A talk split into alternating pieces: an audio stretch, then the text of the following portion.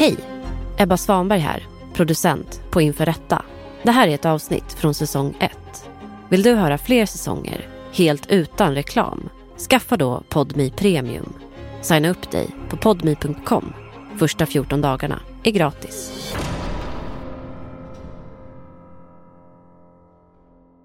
Och vad är planen då att du ska göra med de här verktygen? Ja, det är ju i stort sett mordvapen.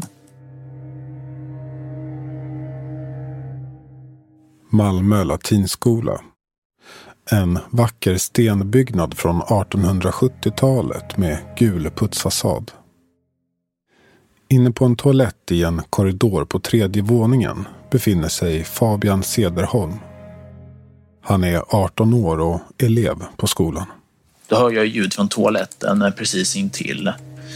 Och då kommer jag ju på att det kanske är, det blir alltså, kanske den här personen. Fabian har mörka kläder på sig. Under huvan på hans hoodie sticker en keps fram. En mörk sjal täcker hela hans ansikte. Men den är tillräckligt tunn för att han ska kunna se igenom den. Över öronen sitter hörselkåpor. Runt midjan en magväska. I den ligger en hammare och en kökskniv. I bältet till magväskan sitter en täljkniv och en yxa. Då öppnar jag dörren lite mjukt, eh, kikar ut och sen går jag, går jag ut och ställer mig framför den här toaletten. Eh, så jag står ju bara där och väntar på att personen ska komma ut. Efter en kort stund så öppnas ju dörren. Då ser ju jag att det är min före detta mattelärare som jag hade i ettan. Och jag minns ju att när jag väl rycker fram med den här täljkniven så känns det som, känns som att allting blev helt och hållet snurrigt. Jag började höra skrik, jag började höra gråt. Och eh, jag minns bara att hon sjönk ner på golvet på något sätt. Eh, och det är då jag tar fram yxan. Jag var cirka sju meter bort från där han stod. Han var utanför toaletterna och på golvet ligger en kropp. Fabian står gränsle över kroppen och eh, hugger.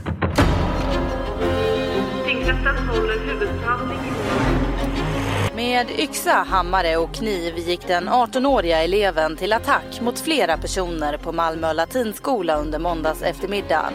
Det är två kvinnor i 50-årsåldern som har avlidit.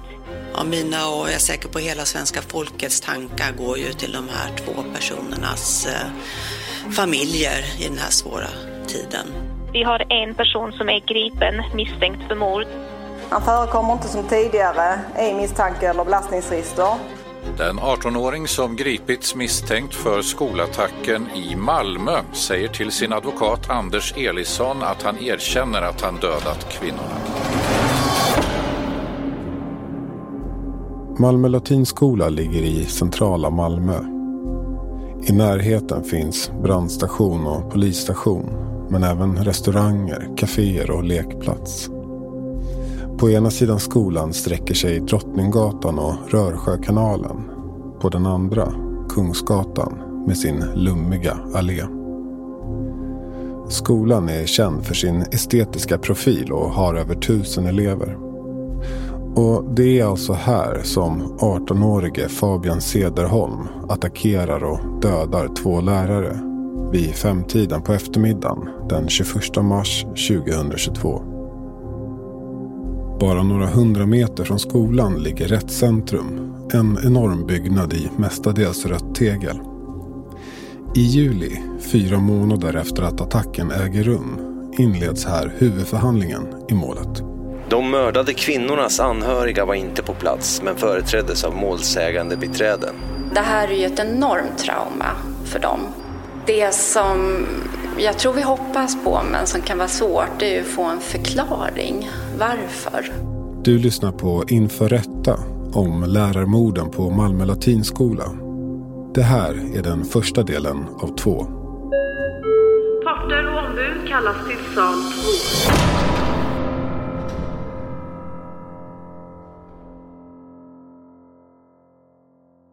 Då ber jag att åklagaren eh, tar och leder huvudförhöret. Varsågod. Tack. Eh, hej Fabian. Johanna heter jag. Eh, är åklagare i målet. Vi befinner oss inne på Rättscentrum i sal 52 där åklagare Johanna Liljeblad inleder förhöret med den tilltalade, Fabian Cederholm. Jag har förstått att du vill att jag ska ställa frågor, men jag tänkte ändå att den första frågan kommer vara ganska öppen. Och sen tar vi det från det. Mm. Låter det som en plan? Det låter rimligt. Ja. Eh, Och jag har förstått att din uppfattning är att du har börjat planeringen för det här på, på, på söndagen. Ah, du, ja, Ja. Så jag tänkte att vi ska börja där. ja, okej. Och ehm, ja, jag vet inte när på söndagen som, som eh, de här tankarna kom i ditt huvud. Det På, kan du börja där kanske? När? Okej.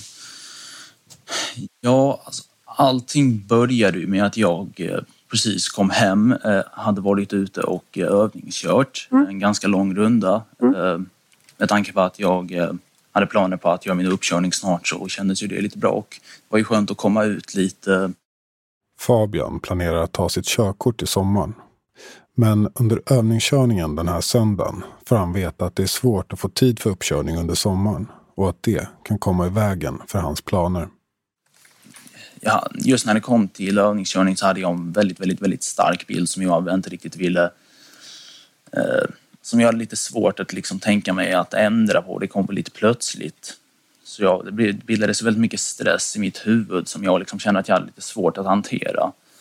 Eh, jag var liksom fullt medveten om att min, min tendens att fixera mig väldigt, väldigt mycket vid resultat, att, att det inte var särskilt hälsosamt. Men samtidigt har jag den här bilden att jag vill, liksom, jag, har, jag har den här grejen att jag vill inte liksom ta tag i mina problem och liksom gå in på hur jag mår. Så då får jag ju bilden att ja, att jag inte kan le, att jag inte kan leva på det här sättet. Jag kan inte fortsätta på det här sättet. Jag måste göra något så här Jag måste göra någonting som på något sätt säkerställer att mitt liv är över på ett eller annat sätt. Och då har jag ju bilden att å ena sidan vill jag, har jag velat ha mitt liv under en lång period. Men samtidigt är jag medveten om att jag är alldeles för rädd för att göra det på egen hand med de tillvägagångssätt som jag har haft i huvudet. Och då får jag ju bilden att jag ska göra någonting som, där jag försätter mig i en situation där det inte finns någon som helst återvändo. Och då får jag ju bilden att jag ska göra någonting på min skola. Eh, min ursprungliga tanke var ju liksom att jag hoppas ju att jag gör någonting som får mig att ångra mitt liv så pass mycket att jag tar mitt liv på plats. Eller att om jag inte vågar ta mitt liv så ska jag lämna över mig själv eh, till eh, polisen och i stort sett aldrig liksom kommunicera med omvärlden igen. Så det var i stort sett där, det var där allting grundades. I den här övningskörningen då? Ja, alltså, liksom, när jag förstod liksom min oförmåga att hantera, mot, att hantera motgångar eller viljan att bemöta motgångar och i stort sett min oförmåga att bemöta motgångar samtidigt som jag har väldigt, väldigt svårt att behålla lugnet. När jag väl får mycket negativ energi, blir väldigt ledsen, mår dåligt så har jag en tendens att jag håller det inom mig. Jag vill inte få ut det och det gör mig väldigt, väldigt desperat. Fabian berättar att stressen och den negativa energin byggs upp inom honom mot slutet av bilfärden. När de är på väg tillbaka till det radhusområde i Trelleborg där han bor med sin familj. Väl hemma pratar han först lite med sin pappa. Sen går han in på sitt rum. Sen tror jag inte att jag lämnar det, så mycket, det rum, mitt rum så mycket eh, den dagen. Fabians rum har två fönster bredvid varandra. I det vänstra står en stor modell av en rymdraket och utanför skymtar en lekplats, delvis dold av en häck. Vid fönstren står ett stort hörnskrivbord fullt av teckningar i tusch. Flera av dem föreställer olika slags väsen och monster. I rummet finns också ett mindre skrivbord med en dator och en gamingstol. Vid fotändan av sängen står tre elbasar och på väggen ovanför sängen hänger några kepsar. I övrigt är väggarna kala. Fabian berättar i rätten att det är först när han kommer hem som tanken på att han ska göra något på sin skola dyker upp hos honom. Den här planeringen kommer ju i olika stadier. Och den första planen var ju att eh, jag eh, hämtar ju en hammare och en av köksknivarna Eh, och börjar improvisera någon billig förklädnad för att jag ska kunna maskera mig. Men då är det inte alls på den nivå som jag faktiskt gjorde. Då tar jag typ, jag tror att den här halsduken, jag tror jag tar den och virar den runt den nedre delen men ändå runt ögonen för jag har ju bilden att jag inte kommer kunna se igenom den. Eh, och då är det ju, eh, det är det också att den kepsen som jag hade på mig då, då hade jag faktiskt inte den. Då fick jag, av någon anledning för mig så fick jag för mig att jag skulle använda en keps som jag eh, fick av min eh, lilla syster julen eh, 2020. Det är typ en eh, liten kamouflagekeps med en massa låtsaslöv och allt sånt. Nu minns jag ju att jag går in på toaletten med alla de här sakerna som jag har stoppat i min ryggsäck och testar klä på mig den. Jag testar lite att ställa mig framför spegeln med allt detta och samtidigt som jag typ... Mm, jag tror det är egentligen att jag samtidigt som jag greppar den här kökskniven håller den lite uppe på ett... Ja, hur ska man säga? Nästan alltså lite på ett hotfullt sätt. Men samtidigt är jag ju lite så tveksam för jag är ju medveten om att jag står ju i badrummet och det är väldigt lätt för mig att få för mig det här. Jag har ju inte en aning om hur jag faktiskt kommer att reagera när jag väl är på plats. Vad var slutmålet då? vad var syftet? Vad hade du tänkt? Vad skulle hända? Ja, det var ju att jag skulle gå in och attackera eh, i stort sett första person som, eh, eh, som jag såg. Mm. Men vad ville du göra med den här personen som du hade då fått välja ut? Tanken var ju att, tillf alltså tanken var att jag skulle tillfoga den kropp, kroppsliga skador. Och det var ju tankens klart att om de blev dödliga så skulle det verkligen inte finnas någon som helst återvändo. Men samtidigt var jag ju tveksam. Jag hade ju inte en aning om exakt hur detta skulle ske. Men jag hade ju bilden att det skulle räcka för mig med att även fast jag hade bilden att det skulle vara en dödlig attack så hade jag ju bilden att det skulle räcka för mig med att jag skadade en person för att jag inte alls, för att det inte skulle finnas någon som helst återvändo. Eh, att det skulle liksom räcka för att jag inte skulle vilja leva länge och verkligen ångra allting. Okej, okay. och, och varför, varför tänker du att du ska göra det på skolan? Det är nog mest för att dels är det ju ett område där som jag har tillgång till. Det är kanske tillräckligt avgränsat för att, eh, jag vet inte, för att jag kanske ska kunna stöta på någon person utan att bli sedd av någon större grupp. Men samtidigt vill jag ju att jag ska vara på en öppen plats som polisen, räddningstjänsten har tillgång till. Så att, alltså lite, det var en ganska öppen yta också, offentlig. Fabians ursprungliga plan är att han ska utföra sin attack under sista lektionen på tisdagen. Beväpnad med en hammare och en kökskniv. Men under söndagskvällen så överger han den planen. Han berättar att han inte vill lämna lektionen och komma tillbaka. Att han inte vill riskera att bli igenkänd och att han inte vill välja vem eller vilka som ska bli hans offer. Så jag kom ju fram till att allt detta måste, måste ske slumpartat. Då går jag även över till den här idén om att jag har inte en aning om exakt var i skolan detta kommer att ske. Eller, eller helt hundra kring när det kommer att ske heller. Den här hammaren och kökskniven, var, var hittar du dem någonstans? Alltså hammaren hittade jag ju i, ett av, i förrådet. Där ligger det många så här gamla verktyg och allt det. Och kök, den här mindre kökskniven tar jag ju från, eh, från, från köket. Okej. Okay. Mm. Um, och vad händer sen då? Du överger den här planen. Vad händer sen? Ja, det är då som jag, alltså det är framförallt i samband med att jag hittar den här yxan som jag eh, framförallt börjar liksom tänka om kring det här. För, det, för jag kommer ju fram till den här bilden att syftet är att jag har inga som helst planer på att dra ut på det hela. Jag vill ju inte ha någon som helst kommunikation med de personerna jag attackerar. Min plan är bara att allting ska gå så snabbt som möjligt. Eh, mest för att återigen, jag, det handlar ju inte alls om att jag vill tortera någon eller något. Jag vill bara att, att allt ska vara över. Eh, då tänker jag ju att eh, den här yxan kanske skulle underlätta där rätt mycket jämfört med exempelvis hammaren. Okej, okay. och yxan, var hittar du den då? Ja, i förrådet också. Är det samma förråd eller något annat förråd? Samma förråd. Samma förråd. Jag, eh, jag fick ju den 2017 när vi var uppe i Isaberg på skidsemester. Mycket mest för att jag gillade att tälja lite så här tjockare kvistar och då tog jag, eh, då fick jag den här yxan och så var tänkt att jag skulle se om jag kunde gå ut och hitta några pinnar jag kunde tälja på eller något, något åt eh, det hållet. Hammaren och kökskniven lägger Fabian i en magväska. I magväskans bälte hänger han yxan och även ett fodral med en täljkniv. Jag kom ju på att den kan ju dels användas som ett lätt vapen för att kanske chocka eller inkapacitera personen. Men det var inte tänkt som själva mordvapnet. Och framförallt var det ju tänkt som ett vapen jag skulle kunna använda för att hugga mig själv i halsen efter allt det här. Efter allt det här. Mm. Berätta mer, vad, vad, vad gör du på kvällen? Vad händer? Vad... Jo, ja, det är ju då också som jag börjar lite fila på min eh, förklädnad. Eh, jag testar ju dra den här halsduken någon gång inne på toaletten. Och då märker jag ju att jag ser ju inte så bra i den men jag ser jag ser ju konturer, jag kan se svart eller vitt. Och för mig så handlar ju det lite om att jag vet ju inte hur jag kommer reagera om jag ser en person som är svårt skadad eller något åt det hållet. Och jag har ju bilden att det vill jag helst inte liksom se i detalj. Jag vill inte se i detalj hur skadorna blir eh, eller något åt det hållet. Så eh, därför kommer jag på att jag ska dra den här över eh, huvudet. Hur gick tankarna mer vad gäller maskering eller liknande? Jo, det är också då som jag... I det här förrådet så hittar jag även de här hörselkåporna. De har jag ju tidigare använt. Jag fick dem av min pappa någon gång efter att jag började gymnasiet och det handlar ju väldigt mycket om att nej, väldigt mycket när jag skulle skriva prov och eh, när jag ville få lite, lite lugnare stämning runt omkring.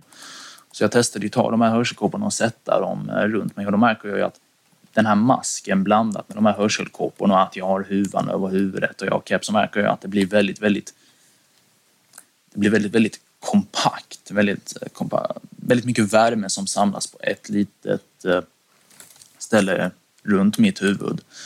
Eh, och då märker jag att det får mig att känna mig lite yr. Då kommer jag ju fram till att det kan ju vara någonting som kanske underlättar om jag nu ska göra något sånt här som jag inte alls vet hur jag rent mentalt kommer att reagera på. Och jag, det är ju det att jag vill inte se i detalj vad som händer och jag vill inte heller höra i detalj vad som händer. Mm. Under söndagskvällen spelar Fabian in tre videor med sin telefon.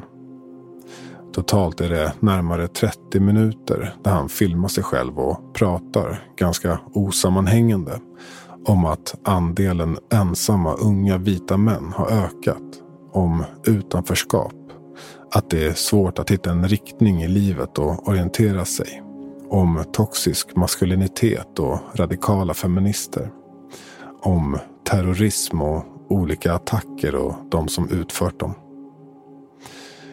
I den första videon säger han bland annat att inom loppet av några dagar åtminstone kommer minst två personer vara döda. Förhoppningsvis fler. Alltså, syftet är ju att jag försöker ju... Det är ju lite att jag försöker berätta lite om vad jag är för något. Varför jag inte förtjänar att leva, varför jag inte vill leva och varför sådana som jag inte hör hem, varför sådana som jag inte hör hemma i samhället. Eh. Men är det någon form av manifest? Är det saker som du står för? Mm. Är det någon slags motiv till det du gör? Vad... Så provocerande som jag uttrycker mig under de här filmerna så är det absolut ingenting som, så är det absolut inget som jag står för. Alltså, jag har ju den här bilden att hur jag formulerar mig, hur det framgår hos andra, det spelar liksom ingen som helst roll syftet är ju att jag ska spela in de här och kanske lägga upp någonting där jag kan få så många som möjligt att hata mig. För jag vill inte känna någon som helst positiv energi. Och att Vad hade du tänkt att lägga upp dem då i så fall? Jag tror inte jag han bestämma mig så mycket för det. Kanske, men eh, någonstans där typ min familj eller närstående kunde se den mest för att jag vill ju bara liksom på något sätt eh, signalera om att jag vill inte bli älskad. Ingen får älska mig eller känna något för mig efter det som nu kommer hända.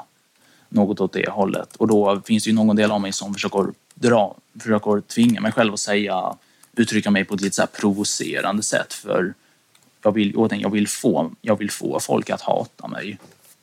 Mm. Uh, berätta mer, uh, vad händer på kvällen sen då? Alltså det är ju då också som jag uh, börjar grotta ner mig i en massa väldigt stötande material på internet. Jag läser ju om en...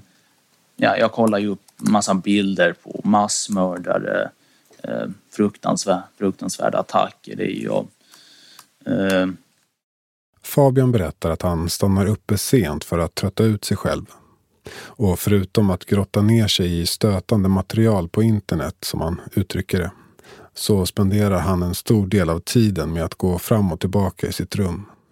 Han säger att han vill försätta sig själv i ett förvirrat tillstånd och inte tillåta sig själv att känna någon form av positiv energi. Innan du går och lägger dig då, vad, hur, hur, ser planen ut då? Vad har du bestämt dig då?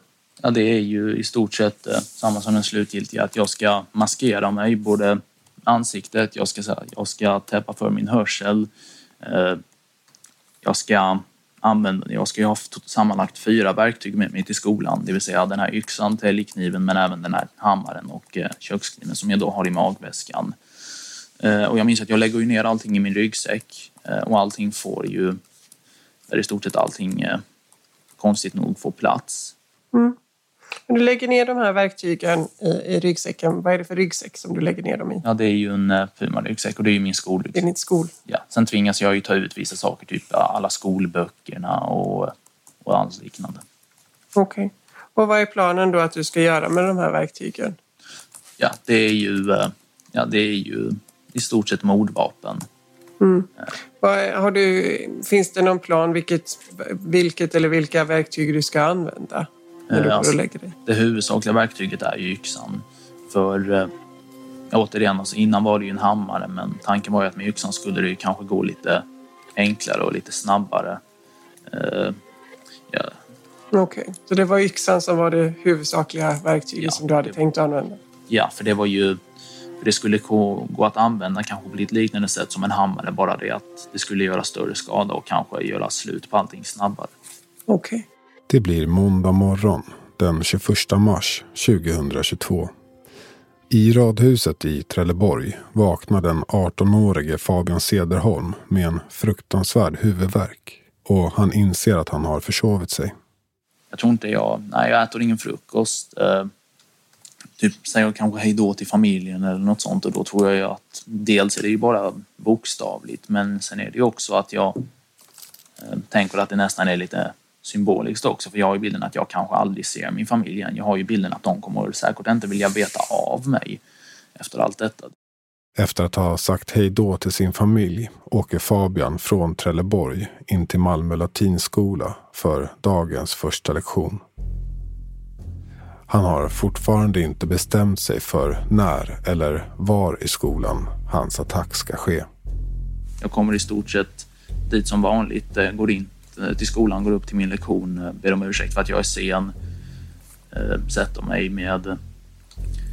Jag minns inte om jag gjorde så mycket, för det var ju en konstant, för det var väldigt mycket som snurrade i huvudet. Det är ju det att jag har ju just en sida av mig som konstant frågar mig själv vad, vad är det jag håller på med? Att liksom förstår jag verkligen vad det är jag sätter mig in i? Och förstår jag verkligen allvaret av situationen jag sätter mig in i? Vilka konsekvenser det kommer att få och med mera. Men det är ju just det också att varje gång som jag försöker tänka lite mer rationellt så, ser, så använder jag ju bara det för att hetsa upp mig. Att jag har den här bilden att jag kan inte hålla mig samman. Det är ju just det som jag är lite medveten om också att jag vill ju inte se vad den här sidan av mig kommer göra härnäst om jag inte gör, om jag inte gör något nu för att få slut på mig själv. Men, men varför hade det varit dåligt om du, om, du, om du säger till dig själv här under dagen när du är i skolan men varför ska jag göra det här? Eh, och kommer på att ja, men det kanske känns bättre imorgon eller dagen efter det. Eller, vad, vad hade, varför hade det varit dåligt då? Att... Alltså jag hade ju bilden om att jag vågade ju inte lita på mig själv. För jag hade ju bilden att om jag gick in i en positiv period igen utan att jag vill tänka på det så skulle ju detta bara leda till att de här svängningarna i humöret fortsatte och då kanske jag skulle gå in i en sån här period och göra någonting framöver. Så jag var ju väldigt, väldigt rädd för mig själv. Eh, och varje gång jag försökte säga åt mig själv att, att jag ska strunta i allt detta så ser jag det ju bara som ett sätt att hetsa upp mig själv. Att jag kan inte hålla mig samman och därför finns det inga skäl till att jag ska fortsätta leva i det här samhället. Okay. Samhället måste, måste kunna bli av, måste bli av med mig. Vid upprepade tillfällen under dagen går Fabian in på olika toaletter runt om i skolan. Där prövar han sin maskering med sjalen framför ansiktet. Han sätter på hörselkåporna och magväskan och fäster yxan i dess bälte. Han tar även bilder av sig själv i spegeln. Jag minns framförallt en gång eh, under, eh, jag tror det kan vara antingen precis innan eller precis efter lunchtid, så går jag in på, det finns ett, eh, det finns ett mindre rum i mat, nära matsalen som har flera toaletter. Mm. Där går jag in på en av dem och byter om och allt. Och då minns jag att då vid ett tillfälle så tappar jag och så glider, så glider den här yxan ur, ur det här magväskebandet och slår i marken och det blir en ganska kraftig smäll. Vid det tillfället så finns det ju en del av mig som undrar varför jag inte gör det här nu med tanke på att de kanske redan har hört, de kommer säkert ifrågasätta mig när jag kommer ut. Speciellt med tanke på att det här rummet är ganska avskilt och det kanske inte blir så många som ser mig eller känner igen mig. Men... Eh, Hade du satt på dig all, eh, hela eh, utstyrseln då? Allting. Allting? Mm. Så ja. Okej. Okay. Och bara så att jag fattar, varför gjorde du det? Varför satte du på dig alla? Så det är ju lite att jag försöker komma in i lite, som du sa, lite här rätt sinnesstämning. Okej. Okay. Eh, mera. Och bara så att jag hänger med, vad är det du har satt på dig då? Ja, det är ju ja, i stort sett allting som finns på de här eh, fotona som jag tog inne på toaletten. Eh, det vill säga den här halsduken, jag har den här kepsen, huvan, hörselkåporna, och eh, den här magväskan med alla verktygen på. Så det är i stort sett allting som, även när jag såg de fotona som finns som jag tog inne på toaletten, de, i stort sett så ser jag ut alla gångerna som jag går in på toaletten. Okej. Okay.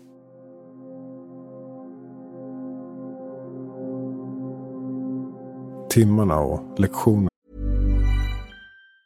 Normally being a little extra can be a bit much. But when it comes to healthcare, it pays to be extra. And United Healthcare makes it easy with Health Protector Guard fixed indemnity insurance plans. Underwritten by Golden Rule Insurance Company, they supplement your primary plan, helping you manage out of pocket costs without the usual requirements and restrictions like deductibles and enrollment periods. So when it comes to covering your medical bills, you can feel good about being a little extra. Visit uh1.com to find the Health Protector Guard plan for you. passerar. Men det är just det också att, att jag skjuter upp allting under dagen. Det är då också som någon del av mig undrar varför. Varför lägger jag bara inte ihop allting och åker hem? Men Fabian lägger inte ihop allting och åker hem. Han stannar kvar i skolan. Han fortsätter att gå på lektionerna och att då och då gå in på toaletten för att byta om. Åklagare Johanna Liljeblad frågar om Fabian förbereder sig på något mer sätt under dagen. På en av lektionerna så frågar jag ju min lärare lite om eh, hur det ser ut på skolan, det här med övervakningskamerorna och där. Och då är ju det lite i syfte att jag har ju bilden att jag vill ju komma med på bild. Eh, var det än jag kommer göra det så hoppas jag att det är på ett ställe där det finns övervakningskameror. Och det handlar ju det lite om att när jag väl är på bild så finns det så finns det garanterat ingen återvändo. Eh, vad är det för lärare du pratar med om övervakning? Det är ju hon, ett av vittnena. Eh, hon som eh, undervisar mig i formgivning. Och det är åklagaren som inleder förhöret. Varsågod. Tack. Vi har valt att kalla Fabians lärare Eva. Jag tänkte innan vi kommer in på, på den här händelsen så kan väl du bara lite kort berätta vad du jobbar med och vad du har för eh, relation till Fabian. Jag är bildlärare på Malmö latinskola och eh, jag har haft Fabian som elev under två års tid, i årskurs två och årskurs tre. Jag undervisade honom i olika bildkurser och i årskurs tre undervisade jag honom i formkurs som handlar om skulptur. Okay. Jag tänker vi, om vi kommer in på, på den här dagen Eh, om du kan berätta från där du känner att den här historien börjar eh, och fortsätta därifrån och så kommer jag ställa frågor ja. till dig efteråt. Det var en vanlig måndag den 21 mars i år och eh, jag la inte märke till något speciellt. Och på eftermiddagen klockan 13.40 så skulle jag ha Fabians klass Lektionen var som vanligt och eh, Fabian var först, eh, han var färdig med ett väldigt långt skulpturprojekt och han skulle sitta och eh, skriva in i vårt digitala system Classroom så skulle han göra en slutreflektion på ett väldigt långt arbete. Och jag märkte att Fabian var väldigt stressad och ofokuserad. Eva berättar att det var vanligt att Fabian kallade på henne under lektionerna. Att han ofta ville ha hjälp eller bara prata. Men att det denna måndag är ännu oftare än vanligt. Han eh, hade tankarna på annat håll, även om han försökte jobba med det han skulle. Och eh, när han hade pratat med mig några omgångar så började han prata om, eh, om kamera, alltså kameraövervakning på skolan. Och det tyckte jag var en väldigt konstig fråga och undrade liksom, varför pratar man om det? Det är inte det man brukar snacka om. Eh, och eh, han ville veta var kamerorna satt. Och eh, han, jag, jag, fick den uppfattningen att han trodde att det satt personer live och tittade i de här kamerorna. Han ville liksom veta. Och eh, ja, Vi hade ju pratade mycket med Fabian så att jag, jag svarade alltid ärligt och han visste det, att jag skulle svara på hans frågor ärligt så att säga. Så att jag sa att eh, kameror fanns bara i korridorerna och det var inte folk som satt och, och tittade på dem i nutid utan de användes som det hade hänt någonting på skolan.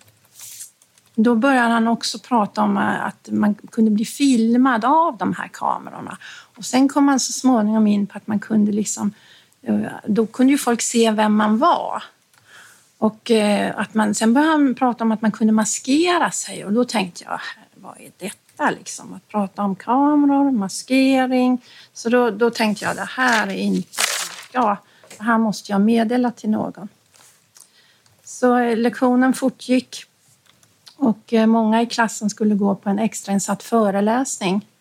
Lektionen skulle sluta tio över tre och eh, vid tretiden släppte jag klassen för att de skulle hinna gå på den här extrainsatta föreläsningen. Och innan lektionen avslutades så frågade Fabian mig många gånger om han tyckte att, alltså om, om jag tyckte att han skulle gå på den extrainsatta föreläsningen eller om han skulle gå på sin lektion i kriminologi som han skulle ha efteråt. Och han, jag sa till honom att det kunde inte jag bestämma vilket som var bäst för honom utan det fick han bestämma själv. Och eh, han, han, frågade mig det upprepade gånger och väldigt nervös liksom att jag skulle fatta beslut åt honom. Men det sa jag att det kunde ju inte jag göra. Och så slutade lektionen och eh, jag fick ut eleverna ganska snabbt därför att tio över tre samtidigt som min lektion egentligen skulle sluta så börjar något som kallas för studietiden. Och då kommer elever från alla möjliga klasser som har bildkurser till den stora bildsalen för att göra restuppgifter. Och då visste jag att det skulle välla in ungdomar. Och då ville jag ha en liten paus däremellan för att jag ville gå ner till kuratorn och prata med kuratorn och berätta vad Fabian hade sagt till mig. Därför att eh, de flesta av de lärare som undervisade dig Fabian, de, de eh, meddelade ju kuratorn när det var något särskilt för du gick ganska ofta till kuratorn som kände dig väl. Men ingen av skolans två kuratorer är på plats. Eva informerar då istället de två skolsköterskorna om vad Fabian har pratat om under lektionen. Så berättade jag då vad jag hade hört, vad, vad du Fabian hade berättat för mig. Och då så sa de att eh, de skulle genast ta upp det här på ett eh, möte nästa morgon klockan åtta. Det var ju måndag och på tisdag skulle de ha ett möte med elevhälsan. Men det ska visa sig vara för sent. Eva går upp till bildsalen på tredje våningen igen. Där är det fullt av elever som ska ha studietid. Efter det ska Eva ha konferens med sina tre bildlärarkollegor. Och eh, när eh, studietiden var över och jag skulle gå på konferens brukar jag dröja mig kvar lite längre än de andra bildarna och checka då alla elever som är kvar att de vet vad de ska göra och har koll på läget. Och så gick jag eh, bort i korridoren till en angränsande sal som är vår lilla bildsal. Vi har två bildsalar. Den stora som vi hade studietiden i och en liten som är angränsande lite längre ner i korridoren. Och där satt jag sen och hade konferens med mina tre kollegor, bildkollegor. Liksom, hur gick tankarna under den här dagen? När skulle du göra det? Vad, hur... Det hade jag liksom inte någon som helst aning om. Men jag kom ju fram till att under kriminologilektionen att det är ju antagligen efter den här som jag kommer göra den, för jag har ju inga andra lektioner. Eh, så, samt att jag utgår, jag utgår ifrån att det är ändå ganska sent. Och, så det är antagligen, eh, jag kommer ju på, under kriminologilektionen så kommer jag ju på att det här gör jag, eh, jag gör det efter den här lektionen. Men tidigare så hade jag inte några som helst eh, någon som helst planering för exakt när allt detta skulle äga rum. När eller var det skulle äga rum. Okej. Eh, Så det är först på kriminologilektionen som du bestämmer dig för när det ska ske så att säga? I stort sett ja. Eh, jag tänker att det kanske passar bra att ta en paus här. Ja, jag tänker också det.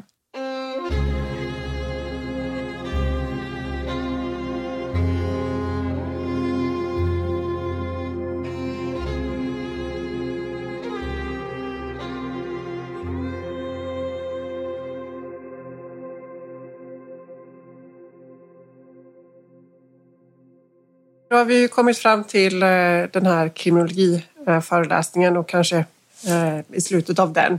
Jag tänker att du tar vid där eh, och berättar vad det är som, som händer sen. Jo, det som händer i slutet då är ju att jag och min kompis som sitter där, vi brukar ju vanligtvis ha sällskap ute i busshållplatsen och då brukar vi ju ta raka trappan ner. Men den här gången så säger jag inte ens hej då utan jag går ju bara ganska högt tempo rakt ut i korridoren. Då går jag ju först till, an, vad jag minns går jag ju då först till andra våningen. Eh, Den här kriminologilektionen, var, var är den någonstans? det är i gamla aulan, eh, den stora runda delen av eh, A-huset. Och då minns jag att som sagt, jag går ut i ganska hög, högt tempo. Då går jag ju först ut i trapphuset, eller genom trapphuset. Och då kommer jag först till toaletterna på andra våningen. Och då känner jag ju efter, men de är ju alla låsta. Så då går jag ju istället, då går jag ju runt om till eh, trapphuset upp till tredje våningen istället. Och eh, där känner jag ju efter på den toaletten som är i mitten.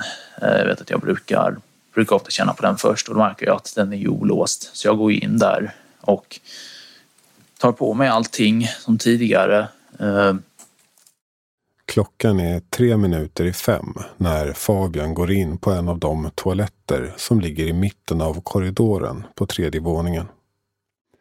Mittemot ligger den stora bildsalen. Där sitter en ensam elev kvar. Vi kan kalla henne Vilma. Samtidigt avslutar Eva och hennes kollegor konferensen i den lilla bildsalen. Eva och en av kollegorna sitter kvar och pratar en stund. Så vi satt nog där till eh, någon minut över fem. Och efter det så lämnade jag den lilla bildsalen, gick i korridoren och då jag, la jag inte märke till någon i korridoren. Jag såg ingen person men jag gick å andra sidan väldigt fort. Jag tittade inte efter någon. Gick fort från den här... Vilken korridor är det? Ja, alltså, vad sa du? En Vilken korridor är det? det är alltså eh, korridoren på tredje våningen i A-huset. Där ligger bildsalarna. Så att jag, korridoren är väldigt lång så här och eh, jag eh, satt i en sal här. Och så passerade jag eh, precis vid toaletterna som är här och så gick jag in i stora bildsalen igen. För jag visste att en av mina elever satt kvar där inne, för det gjorde hon alltid. För hon var där varenda studietid och satt alltid kvar och väntade på mig att jag skulle komma in och liksom ge henne lite feedback innan hon skulle gå hem då. Så gick jag in till henne och mycket riktigt, hon var den enda som var kvar i salen. Dörren var stängd och den stängde jag igen. det är ju det också att mycket av den här stressen, eftersom att jag rent mentalt inte riktigt har en aning om hur detta faktiskt kommer ske och hur det, liksom, hur det faktiskt kommer vara.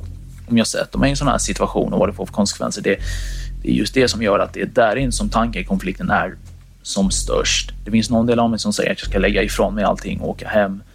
Men då har jag ju samtidigt den här bilden att jag tar allt det som jag försöker säga till mig själv om att jag ska lägga av med allt detta. Jag tar ju bara det som ord. Återigen bara något att hetsa upp mig kring. Så jag minns ju att jag stannar ju där när jag rör mig fram och tillbaka så gott det går på den eh, begränsade ytan. Eh, sen är det ju just det att min ursprungliga tanke var ju att jag skulle gå ut i korridoren och då hade jag inte en aning om hur det skulle se ut. Skulle jag komma ut och stöta på någon direkt eller skulle jag gå ut och behöva leta, leta omkring? En annan elev som vi kan kalla Felicia befinner sig samtidigt inne på en handikapptoalett i ena änden av korridoren tillsammans med en kompis. Jag visste inte vem Fabian var. Ehm, Vi har bytt ut Felicias röst. det enda jag vet är att jag gått förbi honom i korridorerna. Jag visste inte vilken klass han gick i eller något. Vi har aldrig pratat innan. Nej, okej. Och ehm, du pratar om klass. Eh, vilken skola pratar vi om? Malmö latin. Okej, och gick Ja. du där? Ja. Ja, men då så. Då tänker jag att du ska få berätta eh, helt med egna ord och, om den här händelsen. Och du börjar där du känner att berättelsen börjar och så slutar du där du känner att du har pratat färdigt. Och sen kommer jag förmodligen ställa frågor till dig. Absolut. När du är redo så är det bara att sätta igång. Ja. Eh, ja, det börjar med att jag är på toan på tredje våningen. Och eh, jag är där inne och så rycker det i dörren. Men jag öppnar inte för jag är på toan. Så jag Too tired to clean your floors after playtime? Forgot to vacuum before your friends bring their little ones over? Let Yuffie X10 Pro Omni help. Powerful 8000 PA suction removes debris, and MopMaster dual mop pads scrub away stubborn stains with ease. Save time and keep your floors cleaner. Want to know more? Go to eufy.com, that's E EUFY.com, and discover X10 Pro Omni, the best in class all in one robot vacuum for only $799. låter det vara. Klockan är nio minuter över fem när en lärare på skolan, en kvinna i 50-årsåldern som vi kallar Beatrice, går in på en av toaletterna som ligger i mitten av korridoren på tredje våningen. Då hör jag ljud från toaletten precis intill. Jag kommer inte ihåg om det var ljudet av någon som går in på toaletten, om det, är någon som spolar. Och då kommer jag ju på att det kanske är, det blir alltså kanske den här personen. Och har, då- speciellt då som med tanke på att då vet ju, då har jag ju ingen som helst förvarning om vem detta kommer att bli. Det kommer ju verkligen bli helt slumpartat. Så jag minns ju att då går jag ju, då öppnar jag ju dörren lite mjukt, eh, kikar ut och sen går jag, går jag ut och ställer mig framför den här toaletten. Eh, och då är det ju det att när jag står där ute så har jag ju bilden att ingen skada är ju skedd Så om jag vill kan jag ju bara springa in på toaletten, alltså tillbaks in på toaletten. För vi, men jag har ju den här bilden att syftet här med övervakningskameran det var ju att när jag väl kom med på bild så finns där som sagt ingen återvändo. Så det är också väldigt mycket, väldigt mycket konflikt i huvudet just då. Alltså ska jag göra det eller ska jag inte göra det? Sen var ju tanken också att jag ville ju att allting skulle gå ganska snabbt och det var ju det här så hade jag bilden att här kunde jag ju ha lite av ett överraskningsmoment där allting kunde gå ganska snabbt. Jag skulle inte behöva springa efter någon eller något åt det hållet. Eh, så jag står ju bara där och väntar på att personen ska komma ut. Så ja, Mm, fortsätt berätta. Okej. Och då är det ju det att efter, jag är inte helt hundra, men efter en kort stund så öppnas ju dörren. Då ser ju jag att det är en, eh, min före detta mattelärare som jag hade i ettan. Och det som, det som gör att jag stannar till lite i huvudet, det känns lite som att det blir kortslutning, är ju att jag trodde att hon skulle skrika till. Men hennes första reaktion var ju att hon hoppade till och sa oj vad du skrämde mig. Beatrice tar ett steg ut i korridoren och toalettdörren går igen. Men hon säger oj vad du skrämde Ja, och- när jag tog fram den här kniven så säger hon någonting i stil med typ sluta nu eller något åt det hållet. Men alltså jag, alltså, vad jag minns så hörde jag de orden mest som buller. För de här, genom de här hörselkåporna, det gick ju inte som jag planerade att det skulle täppa bort allt ljud. Men det gjorde att alla ljud jag hörde blev väldigt så här suddiga, lite så här röriga. Det var ett konstant ring i öronen också. Och de här dynorna som jag hade, de lite så här, gjorde det lite svårt att snappa upp ljud i minsta detalj. Men jag tror nog knappt jag la märke just där och då så tror jag knappt jag la märke till vad hon sa. Utan jag var ju ganska snabb med att jag drog upp kniven, sa absolut ingenting. Och eh, ja, sen eh, gick det rakt fram. Eh, när jag då, antagligen när jag då högg henne. Vad hände med henne när du hade huggit henne med kniven? Jag tror att hon trycks upp, tryckte sig upp mot väggen och kanske föll ner på baken eller något. Alltså, jag minns bara att hon hamnade på golvet. Okej. Exakt hur det, hur exakt eh, detaljer ur det förloppet eh, ja, minns jag inte. Jag minns bara att hon sjönk ner på golvet på något sätt. Eh, och det är då jag tar fram yxan. Ehm, så hör jag skrik ute i korridoren. Eleven Felicia, som befinner sig på en handikapptoalett i ena änden av korridoren. Och Malmö latin är ju då en estetskola så jag tänker ja, de kanske spelar in en film. För det är väldigt vanligt att elever som går just filmlinjen spelar in filmer efter skolan. Så jag öppnar dörren och går ut och kollar. Eh, och jag tänker att om de spelar in en film så vill de inte ha mig i bakgrunden. För det förstör ju filmen. Så jag går och ställer mig så här i en sån här ingång till ett klassrum. Eh, vi, vi har ju såna här ingångar till klassrummen som eh, dörren börjar inte direkt där väggen i korridoren är utan det är en liten ingång. Och sen kommer dörren. Så jag gick och ställde mig en sån där. Samtidigt befinner sig bildläraren Eva och eleven Vilma i stora bildsalen. Precis utanför dörren har Fabian inlett sin attack. Och då hör vi ett fruktansvärt skrik. Vi tittar på varandra så här, jag och eleven. För att det är ett, det är ett vrål rakt ut. Och så är det så att på vår skola så gärna sent på eftermiddagen. Vi har ju filminspelningar och det är många kreativa kurser och det, det kan vara så att det är någon som spelar in en skräckfilm. Det, det är sånt som är, det är inte konstigt att det kan vara så.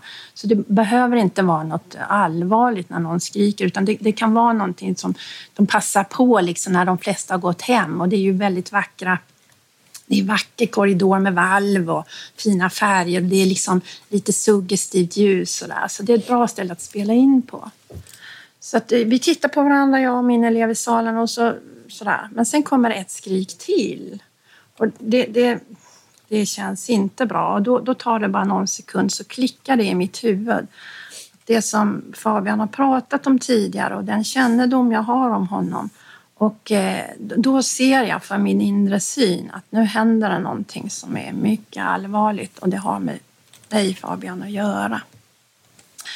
Och jag tror att de flesta hade då öppnat dörren för det var precis utanför men det gjorde inte jag därför jag har ju, jag har ju tränat lite på skoldåd och liknande och jag är ganska lugn och sansad person och jag tänkte till lite extra. Så jag kallade tyst på eleven och så pekade jag att vi skulle gå bort längst bort i salen mot ugnsrummet som är en väldigt, väldigt stor sal. Bildsalen är mycket stor. Och eh, i bortre ändan vid vaskan och så, så finns det ett litet inre rum som heter ugnsrummet. Och där har vi brännugn och sånt. Så vi gick bort och ställde oss i hörnet där, för då var vi så långt bort från dörren, alltså salsdörren som möjligt, där vi hade hört skriket utanför, eller skriken. Och vi stod i en liten nisch så vi syntes inte ifall någon skulle öppna dörren. För jag visste att du Fabian hade access till salen för du hade ett tag och kunde gå in när du ville. Alltså, det är ju det att genom masken så ser jag ju inte så mycket detaljer. Alltså, det är ju, och jag minns ju att när jag väl rycker fram med den här täljkniven så känns det ju som, känns som att allting blev helt och hållet snurrigt. Jag börjar höra skrik, jag börjar höra gråt. Och eh, genom masken kan jag bara se en massa alltså, jag kan se typ en mänsklig siluett som rör sig men det är mest en kraftig skiftning av svart eller vitt. Och då tar jag ju fram yxan och börjar, ja, börjar liksom slå. Felicia. Och då ser jag en helt svartklädd person um, stå lutad över någon. Och jag vet inte om jag kommer exakt ihåg om jag såg den här människan falla mot marken. Det är lugnt. Ta den tid du behöver. Felicia har svårt att få fram orden. Rösten brister. Efter en kort paus så fortsätter hon berätta. Um, så ser jag den här människan ligga på marken borta vid toorna. Och det var ungefär 15 meter från där jag stod. Och jag ser den här svartklädda personen som jag med jag kunde se på kroppsbyggnaden så antog jag att det var en man. Jag hade ingen aning om vem det var. Um, och jag bara ser den här personen slå mot personen som låg ner. Och jag kunde inte tyda om det var en yxa eller hammare, men det såg ut som något av det. Och liksom håller ner människan. Jag minns att det känns ju som att all, min vision den går ju från att vara ganska bred alltså, som vanligt till att bli lite mer av ett tunnelseende. Jag lägger knappt märke till något annat i omgivningen. Det känns lite också som att jag, det känns nästan som att jag lite tappar känseln i armar, i liksom armar och ben. Jag har lite svårt att förstå vad tusan är som faktiskt händer. Sen när jag lämnat eleven där Eva. i hörnet så öppnade jag dörren till ugnsrummet och gick in i ugnsrummet och där finns en dörr ut i korridoren som är då lite längre bort från de här toaletterna. För jag, jag, jag var ju inte helt säker på vad som hände där utanför. Jag kände att jag var tvungen att se om det var det jag trodde. Och eleven var kvar inne i salen bakom då en extra dörr. Och jag går in i ugnsrummet och så öppnar jag den dörren ut i korridoren. Och jag gläntar på den lite grann. Och där är en niff då så att man är lite dold. Jag böjer mig ut och tittar väldigt kort. Och då ser jag vad du gör Fabian. Jag ser direkt att det är Fabian för jag har väldigt god observationsförmåga och, och kände dig väl. Och eh, du är mycket stilig, lång. Vad är, det som, ja, precis, vad är det som gör att du tänker att det är Fabian? Jag, jag, jag kände igen honom direkt på kropps, kroppen. Du är väldigt lång och stilig, väldigt bredaxlad, väldigt välbyggd. Och jag tittar alltid på detaljer, mycket detaljseende. I mitt yrke så är man det. Och eh, jag, jag ser direkt på, på kroppen att det är Fabian. Jag, jag ser att du har en svart hoodie på dig som täcker ansiktet. Jag kan inte se ansiktet. Jag ser dig snett. Jag står där borta ungefär.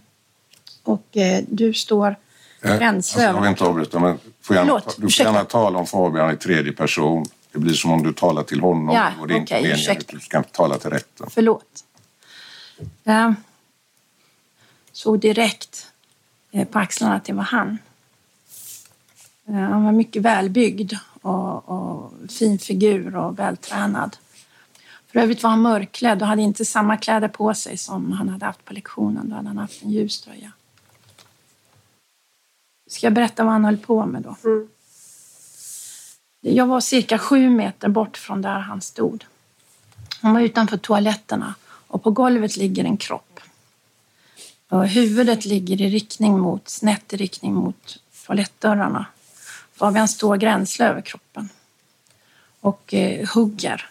Han har ett träskaft, ett långt träskaft som han håller i handen. Det ser jag tydligt. Det är ungefär så här långt. Ungefär så här långt. Och eh, jag kan inte se att det är en yxa, men den är så pass stort så att jag, jag tänker mig att det är en yxa. Jag kan inte se det, jag ser att det är ett träskaft. Och Jag ser när jag öppnar och tittar ut, den här människan som ligger där kommer aldrig mer leva. Det förstår jag ju. I nästa avsnitt.